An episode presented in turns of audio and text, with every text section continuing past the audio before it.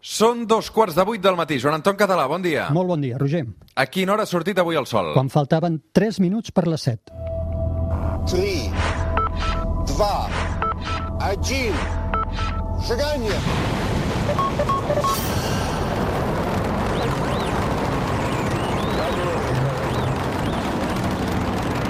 One small step for man,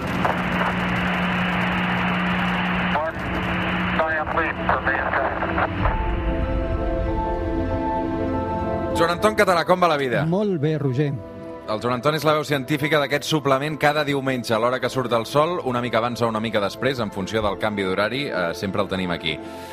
Joan Anton, eh, tenim uns oients que ens estimen molt, ja ho saps. És increïble, sí. Sí, sí, sí. Uh, I avui, aquesta setmana, hem rebut un missatge. Bé, la rebem de tant en tant, perquè és un oient que ens escolta des de, atenció, l'Uruguai. Uh, és el Joan Gratacós Guillén, que, de fet, el que fa és traslladar-nos eh, la fascinació per el personatge que ens acompanya cada diumenge a l'hora que surt el sol i per traslladar-nos també molts temes, eh, Joan Anton? Sí, la il·lusió que fa, eh? Quan reps missatges d'aquests... A veure, els d'aquí també, eh? Fan molta il·lusió, però clar, penses estar en un altre lloc del món remot, en horaris completament diferents, i tot i això doncs, ens segueix i ens envia comentaris. Ens n'havia enviat abans i ara el que ens està enviant és un missatge demanant, demanant tema, no? com qui demana una cançó. Doncs ell està demanant que en algun moment li dediquem un programa a tot el tema de, la, de com esterilitzem les naus que enviem a l'espai, a Mart, si hi ha perill de contaminar altres mons. Bueno, jo m'ho anoto.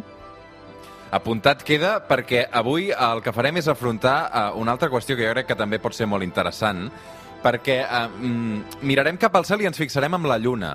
I, de fet, el que farem serà emmirallar-nos amb aquesta Lluna, perquè uh, hi ha una cosa que la Lluna té que, aparentment, la Terra no tant, i sabent tot el que hem estat aprenent aquests anys en aquesta secció, doncs no té sentit, i és que sempre que mirem fotos de la Lluna, la veiem plena de marques, no? de cràters, de cicatrius, i, en canvi, la Terra, aparentment, aquestes cicatrius no les té.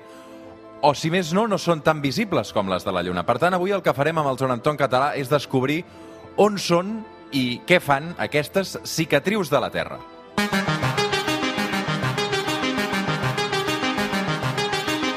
Per tant, Joan Anton, per entendre-ho, ens hem de remuntar al començament del sistema solar. Com era aquest sistema solar en aquella època quan, quan, quan era jove? Sí, això fa uns 4.500 milions d'anys i jo sempre ho explico com un caos. És que era veritablement un caos. Eren multitud d'objectes que van començar sent molt petits, granets de sorra, per entendre'ns, que col·lisionaven i es anaven adherint. A poc a poc van ja anar agafant la mida de, de roques i de pedres, aquestes ja xocaven, ja col·lisionaven, i era, era una guerra. Jo li demano també a l'oient que pensi que els planetes que tenim actualment, Mercuri, Venus, la Terra, Júpiter, qualsevol planeta, no deix de ser un supervivent, el gladiador vencedor d'aquella guerra, d'aquella batalla, on, de fet, menjaves tu altres objectes o et menjaven. Per tant, eh, el tema d'impactes, de col·lisions, era completament constant, totalment constant. Jo he sentit a parlar alguna vegada del gran bombardeig tardà que arriba després d'un moment de calma, no? Sí, perquè igual que una taula de billar plena de boles que van xocant, però a poc a poc es va fent l'ordre, simplement perquè es van eliminant boles de la taula. Aquí també va passar el mateix. Es va començar a fer un cert ordre a mesura que els impactes s'eliminaven competidors, objectes, i, i la cosa anava quedant com més, més, més amb calma, però això va durar molt poquet, perquè, com deies, hi ha un esdeveniment que hem pogut analitzar gràcies a les restes de roca, curiosament, portades de la Lluna per les missions Apollo, que n'anomenem aquest gran bombardeig tardà. Això fa entre uns 3.800 milions d'anys i uns 4.100 milions d'anys. I és que hi va haver una desestabilització de nou del sistema solar, segurament per un moviment Júpiter-Saturn, a lo millor també Urà i Neptú, van desestabilitzar aquell jove sistema solar que havia arribat a un cert equilibri i van començar a enviar un altre cop una pluja d'objectes de totes les mides cap a l'interior del sistema solar en una mena de pluja catastròfica. I això el que va fer és crear quasi, quasi tots els impactes que avui, per exemple, veiem a la Lluna. Clar, segons això, si tu ho penses, eh, la Terra és molt més gran que la Lluna, té més gravetat, per tant, la Terra havia d'atraure molts més impactes que la Lluna, i sabem que això va ser així, és dir, la Terra, la Lluna, els planetes interiors en aquell moment eh, suporten quantitat d'impactes de xocs que provenen d'aquesta part més externa del sistema solar en aquesta pluja d'objectes que ens van enviar segurament els planetes gegants. Mm -hmm. Escolta'm, uh, Joan Anton, a tot això ha, ha continuat rebent impactes, no, la Terra? Sí, mai, mai hem, ens hem um, aparat això, perquè sí que es va tornar a fer la calma després, un altre cop, obligadament, perquè van desaparèixer molts objectes, però si féssim un inventari dels asteroides de, i de cometes que estan circulant pel sistema solar, no acabaríem. És a dir, els catàlegs no s'omplirien absolutament, no, no, no podríem ni tenir xifres per calcular-los. I els impactes sempre han estat i sempre seguiran. Què passa? Que cada cop en un ritme menys freqüent, per això que dèiem, perquè van desapareixent objectes que creuen la nostra òrbita. Però la Terra sempre n'ha patit i després d'aquest gran bombardeig tardà en va patir eh? I, va, i, i seguirem així.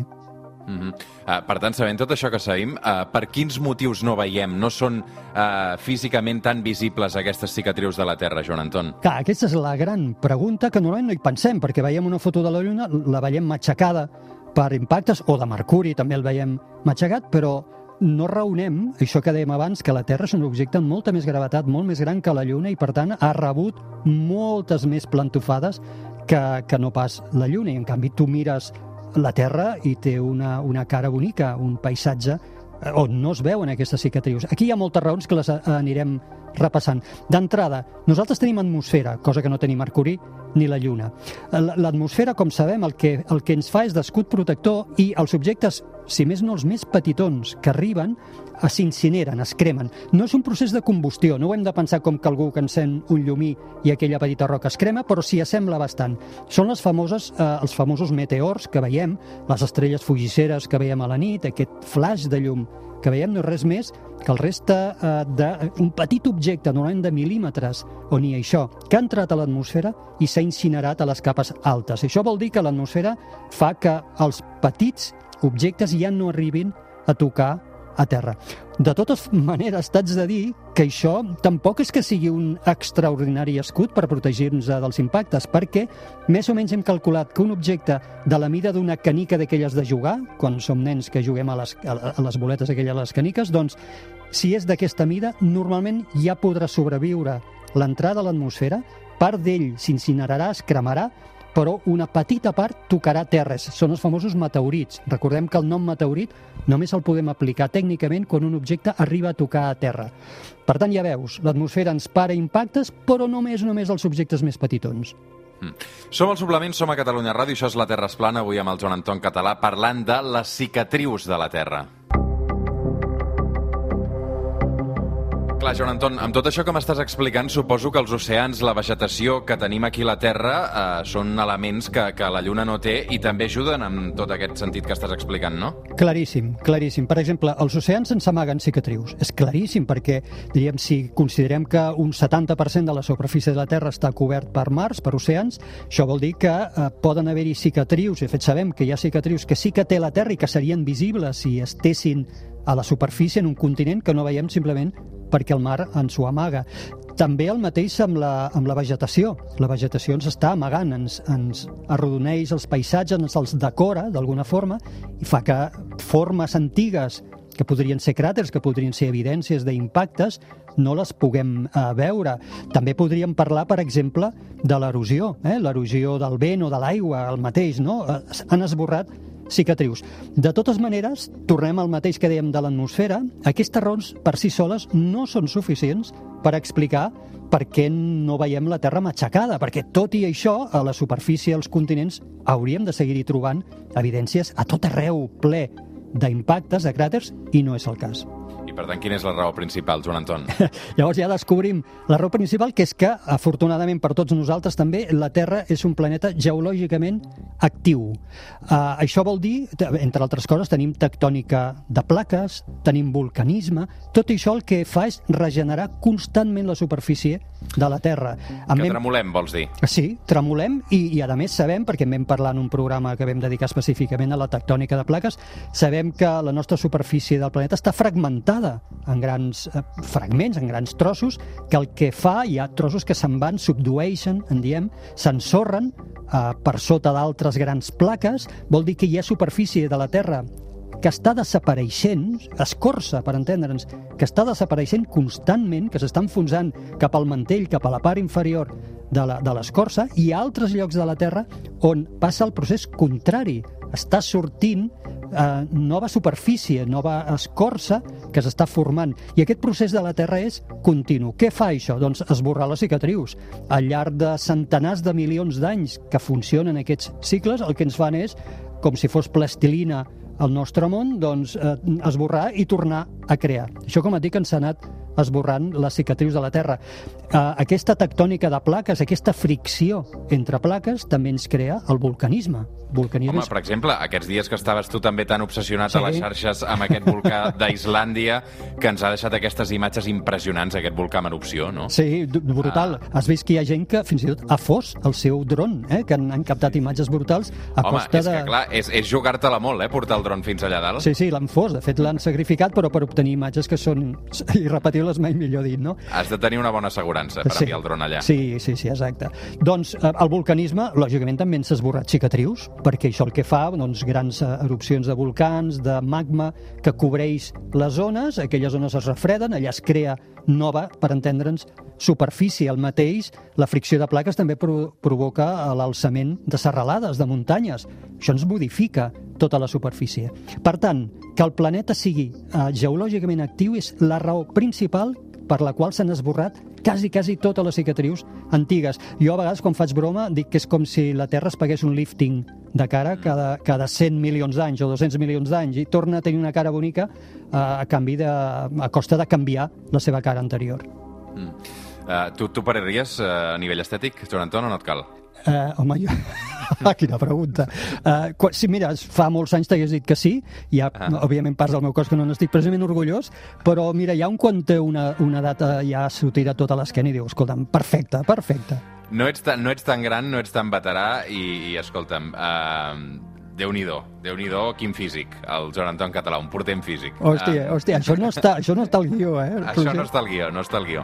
Joan Anton, escolta'm, eh, de tots aquests impactes que ha rebut la Terra, que són molts, moltíssims, eh, suposo que n'ha de quedar algun, algun cràter que sí que es pugui veure, no? Sí, en tenim, perquè tot i que s'han esborrat les cicatrius antigues d'aquest gran bombardeig tardà, això estem parlant de fa més de 3.500 milions d'anys, aquí sí que s'ha esborrat tot, el que tenim són les cicatrius més recents, aquelles que han caigut fa relativament poc i que la tectònica de plaques i tot això que hem explicat no ha tingut temps encara de carregar-se. Per exemple, fa 66 milions d'anys sabem que va arribar el famós cometa que va extingir els dinosaures, no només els dinosaures, sinó el 85% de les espècies vives del planeta i que ens va dur aquí a nosaltres, els humans. Els mamífers llavors no pintàvem res, eren petits de mida i poc diversos i aquell impacte casual eh, és una d'aquelles regals que ens va enviar la natura que fan que avui estem aquí. Doncs això sabem que va caure a la península del Yucatán i avui s'intueix el cràter. No és que es vegi, però s'intueix. Té uns 200 quilòmetres de diàmetre segons els estudis que s'han fet.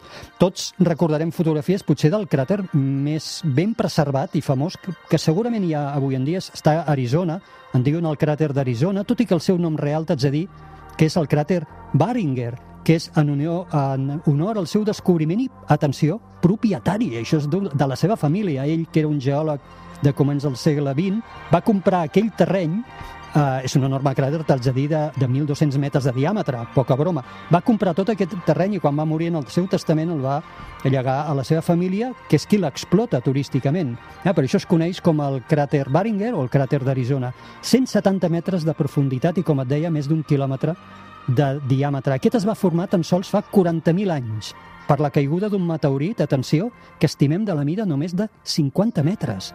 Fixa't, eh? Un objecte de 50 metres que pot provocar crear un cràter de 1.200 metres de diàmetre i 170 de profunditat. És, és una passada.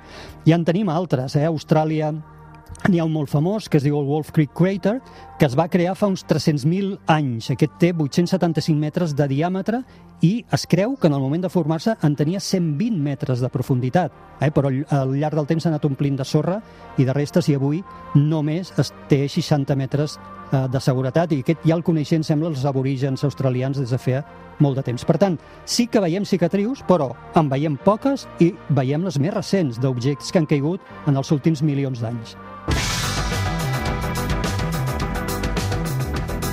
Som al suplement, som a Catalunya Ràdio, això que escolteu és La Terra es plana cada diumenge a l'hora que surt el sol amb el Joan Anton Català.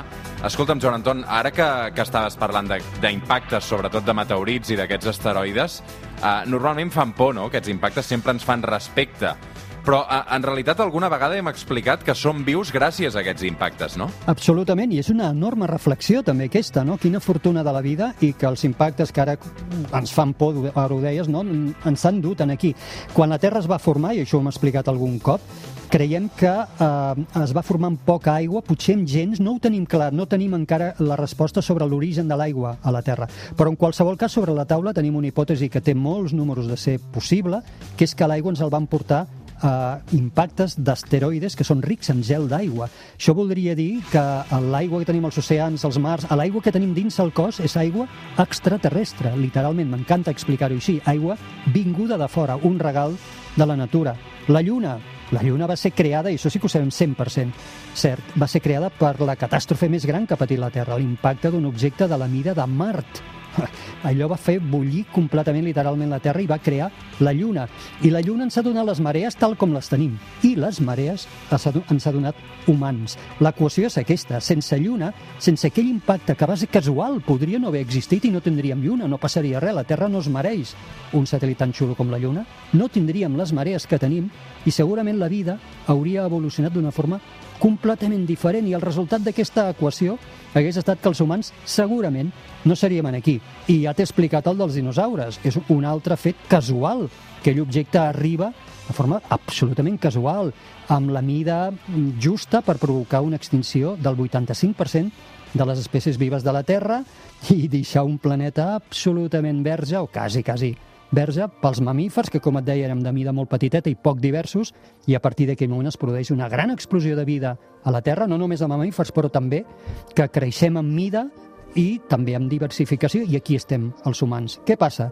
Que, clar, miraríem la natura i, i li donaríem les gràcies i li diríem gràcies, natura, per tot el que has fet per nosaltres, però ja, si plau, no facis res més. Però que això no funciona així i la natura seguirà d'una forma estadísticament menys rellevant, esperem, però seguirà enviant impactes i aquesta és la raó per la qual necessitem invertir calarons per analitzar aquests objectes, estudiar-los, etc. Realment, eh, la conclusió un dia més és no som res. I aquí, eh? un altre cop, t'haig de contestar que sí. Eh? Justament la meva posició, quan algú m'ho diu, que tens raó, però llavors la meva contrarresposta és i tant que som. Justament per tot això som. Uh, és fascinant que estiguem vius, donat tota la, totes aquestes casualitats, i avui només hem explicat les relatives als impactes, eh? però hi ha 18.000 casualitats que ens han posat en aquí, que afortunats que som i, per tant, som. Mm -hmm.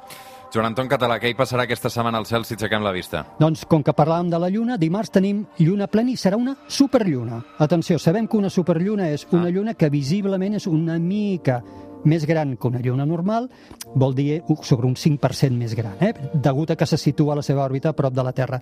Però qualsevol pot fer l'experiment. Fotografiem aquesta lluna, per exemple, en el moment en què estigui sortint, és igual, en qualsevol moment, i recordem a l'equip, el zoom, la màquina amb què ho hem fet, i tornem a fotografiar la següent lluna plena, eh, torno a dir, amb el mateix equip i el mateix zoom, i llavors comparem les fotografies, posem una sobre l'altra per entendre'ns la lluna en un programa de tractament de gràfics i veurem com, certament, aquesta lluna que sortirà dimarts té una mida una mica més gran que les llunes, eh, que qualsevol altra lluna plena.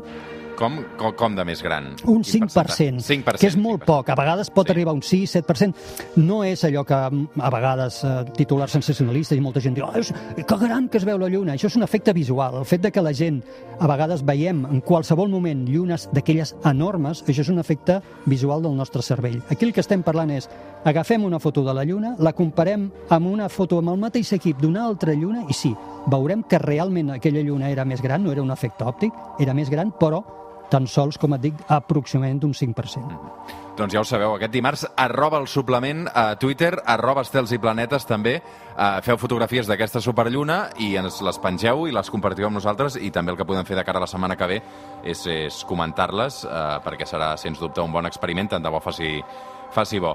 Joan Anton Català, uh, per cert, va anar bé el Sant Jordi? Uh, va anar molt bé, va anar molt bé, tot i el, el, aquest entorn tan complicat sí. que tenim, va anar molt bé, sí. Vas signar algun llibre, eh? Sí, vaig signar, vaig signar Altair i, i també amb la llibreria Horitzons de Barcelona.